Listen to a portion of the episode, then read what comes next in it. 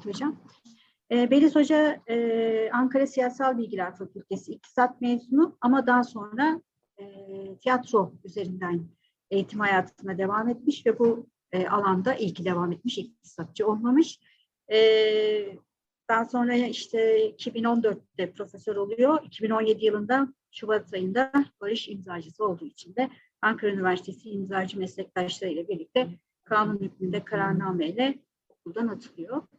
Ee, şu an kurumsal çalışmaların yanı sıra çevirmenlik oyun yazarlığı uğraşlarıyla ve atölyelerle devam ediyor.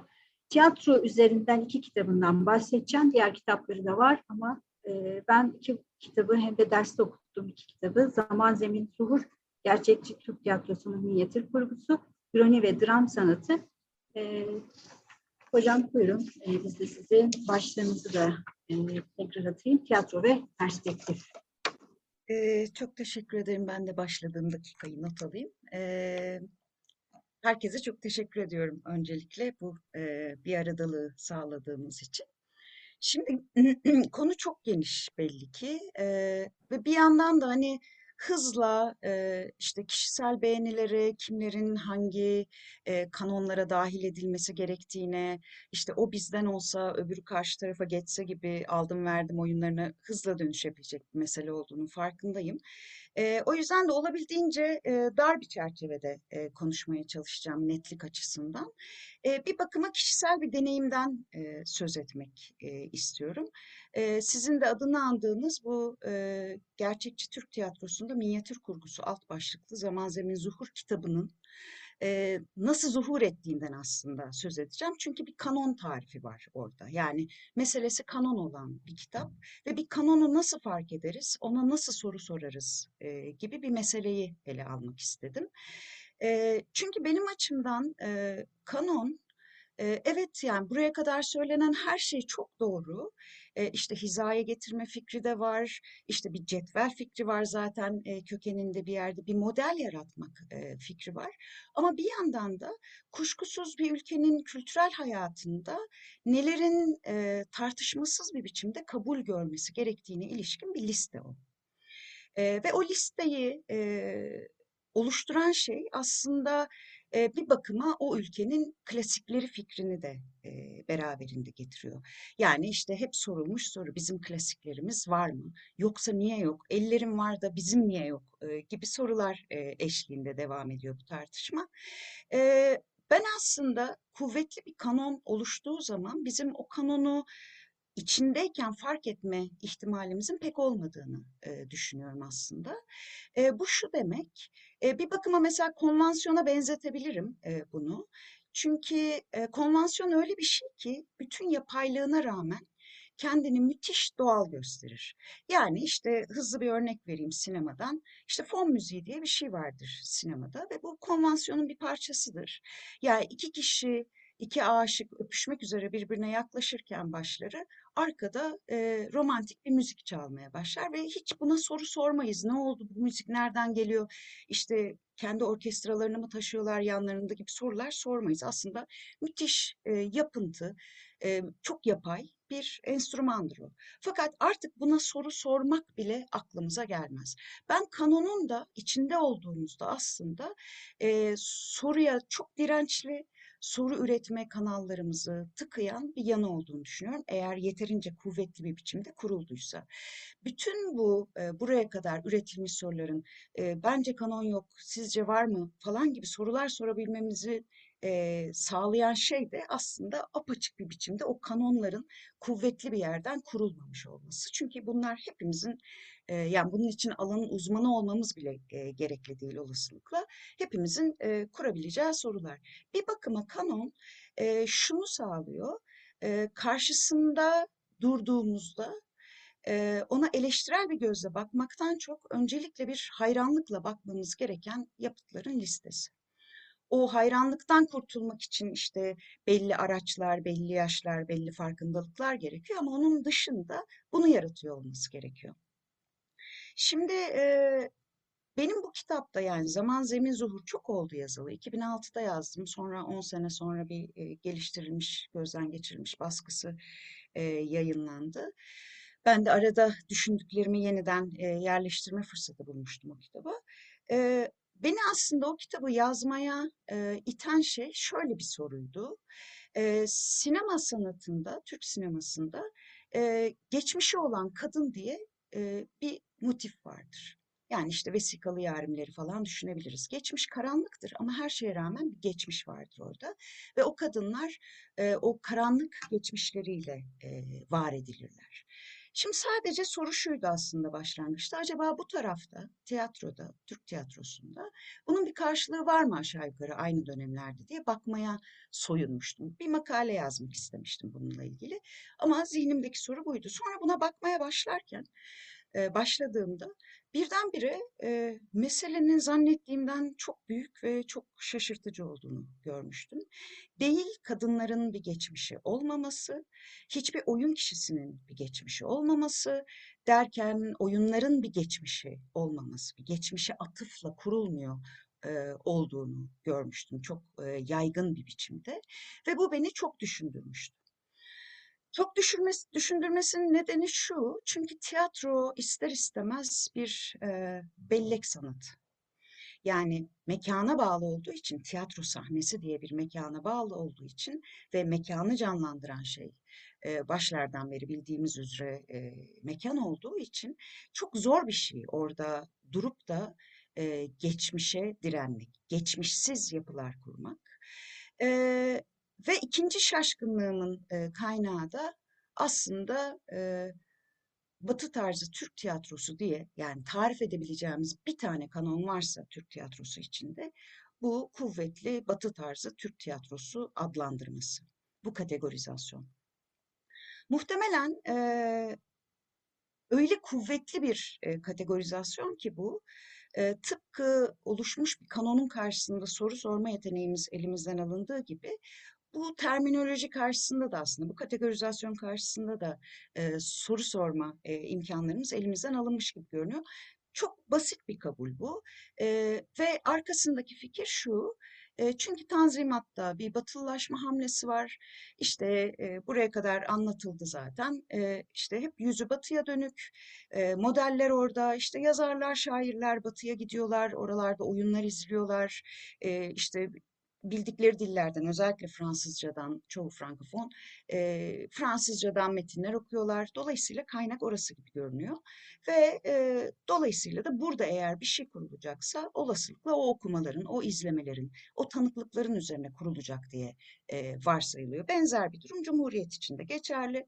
İşte e, çağdaş medeniyetler seviyesine e, ulaşma hedefi çerçevesinde orada da bir e, işaret edilmiş batı var e, hedef olarak. E, hedefse aynı zamanda kaynak da o. Diyor ki o kaynakları kullanalım. İşte Nurullah Ataç'ın e, tartışmalarını dile getirdiği e, gündemleri hatırlarsınız. İşte bu tarafı kapatalım. Ne zaman hatırlayacağız? İşte Batı'yı öğrendikten sonra gerekirse buradaki e, sandıkları yeniden açabiliriz e, demişti Nurullah Hataç. Şimdi ben tam da e, buradan şunu sormaya başladım. Gerçekten Batı tarzı Türk tiyatrosu Batı tarzı mı diye. Ve dolayısıyla bu Batı tarzı lafı aslında bizi kanon meselesine getirecek e, bir kez daha ve o kanondan ne kadar e, etkilendiğini e, anlamaya çalışmamızı sağlayacak. Kitabın çerçevesini aslında bu oluşturuyordu. E, bunu yapabilmek için de önce gidip e, tiyatro söz konusu olduğunda Batı kanonu dediğimiz şeyin yapı taşlarını görmeye çalıştım. Bunu yaparken de şununla karşılaştım. Çok erken bir tarihten itibaren yani neredeyse arkasına antik Yunan'ı alarak işte bir bakıma o çerçeveyi Nevzat Hoca e, açılış konuşmasında aktardı. İşte Yunan'dan ve Roma'dan nelerin e, Rönesans'la birlikte hatırlanarak, hortlatılarak e, geri çağrıldığını işte neoklasik dönem benzer bir biçimde. E, tüm o çerçevede e, Batı tiyatrosu kendini bir e, çerçeve ve perspektif fikri üzerine kurdu. Tıpkı işte Rönesans'ta hatırlanan doğrusal perspektifli resimler gibi e, ve bu bir bakıma da bir e, oyun yazma şeması yarattı. İçeriklerden de bağımsız olarak. Ne demek bu? İşte nasıl doğrusal perspektifli resmin içinde bir e, kaçış noktası varsa ufuk üzerinde ve e, o lineer bakış açısını, perspektifi, birinin baktığı bir dünya olarak dünyanın sekülerleştirilmesini sağladıysa, onu o projenin bir parçasıysa e, doğrusal perspektifin ortaya çıkışı. Benzer bir biçimde tiyatroda zaten e, çerçevesiyle e, çok e, benzer bir e, yapı sağlar e, resme. O çerçevenin içine e, hikayesini dizerken de aynı perspektif fikriyle davrandı. Ne kastediyorum? Şunu, en önde şimdi de bir şeyler oluyordur ama o en önde olan e, şeylerin asıl gerekçesi geçmişte bir yerdedir. Şimdi ile geçmiş arasında çok sıkı bir neden sonuç bağı kurulur. Şimdiyi anlamak için de geçmişe gitmek zorunda olduğumuzu e, zaten hikayeyi kurarken de gösterir bize. Ee, ve nihayet orada geçmişte ne olduğunu öğrendiğimizde hikaye ilerlerken şimdideki her şeyin neden böyle olduğunu e, anlamış oluruz. Şimdi batıdaki yapının bu olduğunu bir kez e, baskın yapının diyeyim, bu olduğunu ana damarın e, görünce tabii ki bunun karşılığını arıyorsunuz. Batı tarzı Türk tiyatrosu dediğimiz yerde ve bunun yerine e, geçmişten hiçbir biçimde söz etmeyen, e, çünkü hikayesini böyle kurup böyle anlatmayan başka, bambaşka bir yapı görüyorsunuz. Batı tarzı dediği Tanzimat Tiyatrosu'nda işte bir e, orta oyunundan e, ve e, gölge oyunu geleneğinden e, bir tuluat sahnesiyle, kısa süren bir tuluat sahnesiyle işte tuluatçıların perdeli dediği yerin üstünden atlayıp geçtiği bir e, çerçeve sahne fikri. O çerçeve sahneye çıkmak dışında aslında batı tarzı görünen hiçbir yanı varmış gibi gelmiyor bana metinlere yakından baktığımızda. Şimdi bu e, hani bu tarafı tekrar dönüp anlatacağım e, minyatürle bağını kurarak başlığa e, atıfla ama e, bu mesela e, ilerleyen dönemlerde benim işte 20 sene kadar oyun yazarlığı, hocalığı yaptığım dönemde de e, benim bir takım e, tanıklıklarımla da gelişti esasen. Çünkü ne zaman e, işte bir öğrencinin e, oyun yazması gerekse e, batılı formüllerle değil de tuhaf bir biçimde o benim minyatüresk dediğim formülle e, çalıştığını gördüm. Ta ki ben bunu adlandırıp işaret edene kadar. E, yani e, bu taraftaki formül daha çok şöyle bir şey. Bir gün bir şey olur ve olaylar değişir diye bir formül ve her şey gözümüzün önünde oluyor. Hikayeyi anlamak için hikayenin geçmişine gitmemiz gerekmiyor ve bunun mesela e, şu tür yan ürünleri e, oluşuyor, yan fikirleri ya da. Şimdi Batı tiyatrosu dediğimiz şey bizim gözümüzün önünde bir sahneyi canlandırıyor ama bize gösterdiğinin çok daha büyüğü arkada bir yerde, benim sahne dışı demeyi sevdiğim yerde gerçekleşiyor. Çünkü geçmiş dediğimiz şey sahne dışında. Hakkında konuşuluyor diyegetik olarak ama mimetik olarak gösterilebilir bir şey değil. Ve o müthiş bir hikayeyle olay dizisi farkı yaratıyor. Hikaye hep çok büyük e, olay dizisi ona oranla sahnede görüp tanık olduğumuz mimetik kısmı hep çok dar. Ve her zaman sahne dışında başka mekanlar var, başka zamanlar var. Bunlara atıfta bulunuluyor ve e, sahnenin inandırıcılığını, e, gerçekliğini kuran şey aslında sahnede gördüklerimiz değil, belki de biraz radikal ve aşırılaştırılmış bir ifadeyle aslında sahne dışında olup bitenler. İşte o hayatın nasıl gerçek hayata benzediği bilgisi o dışarılarda kurulmuş bilgilerden geliyor. Öyle sahici ki 20 sene öncesine kadar bir maziden söz ediliyor. O hayatın nasıl dolup biriktiği bugüne kadar Lukács der ki mesela işte Ibsen tiyatrosu gibi tiyatrolara bakarken işte büyük bir klasik romanın son perdesi gibidir. Son bölümünü sanki sahneye çıkarmış gibidir. O kadar yoğundur arkası. Ee, belki hani o yüzden bu nedenle e, bu taraftaki oyunlara bakarken işte muhtemelen büyük bir romanın giriş bölümü demek gerekiyor. Çünkü hiçbir arka planı yoktur. Ee, ve bu tabii sahne dışı denilen şeyin hiç oluşmamasına, başka mekanlara hiç ihtiyaç duymamasına giderek sahne üzerine sıkışmış klostrofobik bir yapıya yol açıyor. İşte aile oyunları bunun mesela çok tipik örneğidir. Sanırım en çok aile oyunu e, yazılmıştır. Ayşegül Yüksel'le e, rahmetli Sevda Hoca'nın bununla ilgili de tespitleri vardır e, hep.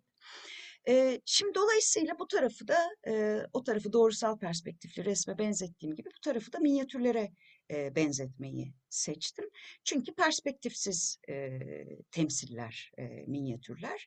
Yani orada şu bilgi çok önemli doğrusal perspektifli resimde. O dünyaya birinin baktığını biliyoruz. Bir noktadan, bir anda, belli bir gölge ışık oyunu altında.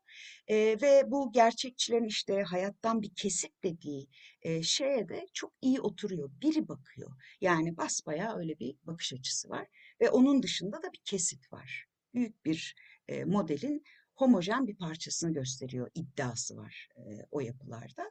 E, bu tarafta ise e, nasıl minyatürlerde bakan biri yoksa yani e, anlatılardaki olimpik anlatıcı gibi gayri şahsi bir bakış açısı varsa, nasıl orada sanatçı imzası kendine kolaylıkla yer buluyor çünkü biri bakıyor o dünyaya öyleyse onun imza atmaya da hakkı yetkisi var diyor ki ben baktım buraya buradan bu noktadan bu manzardan bu tarafta bakan biri olmadığı için minyatürde e, bir bakıma imza da yok.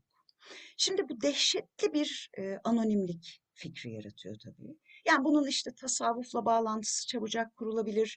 İşte her bir minyatürün üzerinde çok sayıda nakkaşın el birliğiyle, işbirliğiyle çalışmasından söz edilebilir ama benim için önemli olan kısım birinin bu dünyaya bakmamış olması. Ve bu tarafta hani öbür tarafta bakar bakmaz resimlere, ressamları tanımamızı sağlayan o müthiş e, üslupçuluk bu tarafta yerini bir tür e, zanaate bırakıyor ve e, aslında hani birinin nakışından onun kim olduğunu anlıyorsak o zaman onun ruhunun yeterince eğitilmediği, ham kaldığı e, fikri de çıkıyor ortaya. Çünkü kendi e, bir hırsla ya da kibirle kendi imzasını atmaya kalkmıştır. Oysa o sanata, e, nakış sanatına imza attırılması gerekir. Yine Batı resmi e, kafasını kaldırır ve karşıdaki bir modele bakar. Oysa e, minyatürcünün böyle bir doğada modeli yoktur. E, selviyi selvilere bakarak çizmez. Zihnindeki bir, e, daha doğrusu ustalarının resminden görülmüş e, bir selvi idealini resmedip durur kusursuz bir biçimde. Şimdi buna benzettikçe burada yazılmış oyunları bununla ilgili pek çok iddiayı da metinlerde bulmaya başladım. Ne bu mesela? İşte minyatür öyle hem yapılışıyla hem içeriğiyle öyle anonim kalmış bir şey ki mesela yüzlerce insanı içeren minyatürlerde yakından baktığımızda bütün yüzlerin birbirinin aynı olduğunu görürüz. Birbirinden ayırt etmek mümkün değildir. O bir kalabalıktır, e, bir cemiyettir İçinden tek tek e, gözümüzle birbirinden farklı bireyleri seçemeyiz. E, dönüp baktığımda oyunlara mesela e, batıdaki karakter oluşumundan çok başka bir figür oluşumu olduğunu gördüm Türk tiyatrosunda. Yani şöyle anlatmaya çalıştım. En minyatüresk oyunun Turgut Özakman'ın rahmetli gene e, Ocak oyunu e, olduğunu iddia ettim. Biraz da e, iddianın e, ne diyeyim kışkırtıcılığı nedeniyle. E, mesela orada işte karakterlerin sadece bir e, e, hayalperestlik ve gerçekçilik skalası üzerine böyle ip gibi sıra sıra derece derece dizildiklerini e, görmüştüm ve birbirlerine çok benziyorlar esasen. Tamamen birbirlerinden yapılmışlar. Biri biraz daha hayalperest, öbürü biraz daha realist biçimde derecelenebilecek nicelik farkı diyebileceğimiz ama nitelik farkı olmayan karakterler. Neden Turgut Özakman'ın Ocak metni için kışkırtıcı bir örnek dedim? Çünkü e, Turgut Özakman e, Cumhuriyet'in bütün e, hedeflerini canı gönülden kabullenmiş bir yazar ve onun işaret ettiği batılılaşma formülüne garip bir biçimde en uzak e, düşmüş e, minyatürün e, bir bakıma e, oyunlara nasıl yansıdığını bana gösterdiği için çok heyecanlanmıştım. Bunun öbür tarafında da örneğin Necip Fazıl Kısakürek'te e, onun bir adam yaratmak oyunuydu. Onu da e, basbayağı şöyle bir yerden e, okudum. E, Türkiye'de yazılmış en ipsenci oyun ve öyle tuhaf ki e, bildiğimiz gibi işte bir tür e, büyük doğu mefküresiyle e, o hedefle e, hayatını siyasete adamış birinden söz ediyoruz Necip Fazıl derken. Bütün e, idealleri geçmişte olan bir yazar e, Necip Fazıl ve fakat en batıcı e, formu da o kotarıyor, e, en ipsenci formu da o kotarıyor bir adam yaratmakla. Bunlar başarı ya da başarısızlık değil, becermek ya da becerememek değil. Ama basbayağı onun geçmişle meselesi, onu kaçınılmaz olarak meselesi geçmiş olan ve geçmişi şimdinin nedeni e, olarak gören e, o yazma formuna doğal olarak yaklaştırıyor. Şimdi hani kaçınılmaz olarak hep sosyolojiden ve siyasi nedenlerden, siyasi tarihten söz ediyoruz edebiyat konuşurken. E, ben de benzer bir yerden çok sık kesintiye uğramış. Bundan böylece e, bütün ideolojilerin çok kısa sürede bu ülkede arka arkaya gelmesinden dem vurabilirim belki. Gene Nevzat Hoca bir tür kültürel bellek yarattığını söylemişti kanonların. Şimdi o kültürel bellek yaratılırken tam da belleğin yapması gerektiği gibi her şeyi hatırlamak değil aslında. Anı yaratmak gibi bir mesele bu. Dolayısıyla hani bir bakıma e, işte mitolojinin icat edilmesi gibi e, bir şey. Kendi mitolojisini yaratıyor e, her gelen bundan böyleci ve reddi mirasla e, gelen e, siyasi oluşum ya da her devrim kaçınılmaz olarak bunu yapıyor. Yani köklerine bağlı bir devrim hayal bile edilemez olasılıkla. Dolayısıyla bütün o e, atılımlar işte bir kısmını siyaseten gerici bulabiliriz, bir kısmını ilerici bulabiliriz. Mesele onu tartmak değil ama hep e, o e, o kesintililik bir yandan da her seferinde kurulmuş olanı e, artık e, hızla ıskartaya çıkaran, enkaza çeviren, hızla tozlandıran bir yapı da yaratıyor. Orhan Koçak'ın da birkaç kez anıldı. E, çok da haklıyız e, çalışmaları nedeniyle onu anmakta burada. E, mesela şöyle bir şey demişti galiba e, Orhan Koçak. 1960'lara kadar e, her yeni edebiyatçı kuşağın kendinden önce gelenleri yok saymamak için hiçbir mantıklı gerekçesi yoktu der. Herkes baştan başlıyor. Herkes sıfırdan başlıyor. Böyle bir ruh hali e, aslında. Ve bütün bunların bile garip bir biçimde yani minyatüre baka baka oyun yazılıyor anlamında söylemiyorum. Bu bir tür modelleme. E, çünkü hani yeni kuşakların minyatür gördüğü mü var? O estetikle bir bağ mı var? Hayır yok. Fakat zihniyet dediğimiz şey e, biçim önerilerinden yani yapay bir biçimde dışarıdan gelmiş biçim önerilerinden çok daha tutucu ve çok daha yavaş değişiyor aslında bu o demek. Ee, şimdi dedim ki konuşmamın başında e, bir listeleme çabası aslında hep kanon. Eğer bir listeden bir seçme faaliyetinden yani kültürel bellek yaratmak da öyle bir şey. Bir seçme, dışarıda bırakma, göz ardı etme ya da e, hortlatıp e, tazeleyip bugüne getirme e, meselesi ise aslında e, bir yandan da kanon. E, benim gene bununla ilgili bir örneğim var. E, ha lafı bitirmedim. Eğer böyleyse kanon e, o zaman mutlaka bir takım kurumlardan söz ediyor olmalıyız birileri, bir kurumlar, bir takım kurumlar e, bunları destekliyor, öne çıkarıyor, o listeleri oluşturuyor demek bu. Yani işte her hükümetin Milli Eğitim Bakanlığı, Kültür Bakanlıkları bununla ilgili çabalara girişmiştir büyük ihtimalle. İşte 1920'lerden söz ederken ya da 14'lerden işte mesela şunu biliyoruz Antoine çağrılıyor İstanbul'a Darül Bedai'nin kuruluşuna öncülük etmesi, rehberlik etmesi için ve e, Darül Bedai'nin o dönemde Antoine'la birlikte onun rehberliğinde yaptığı seçimleri mesela Yahya Kemal o kadar beğeniyor ki şöyle diyecek bir alıntı yapacağım.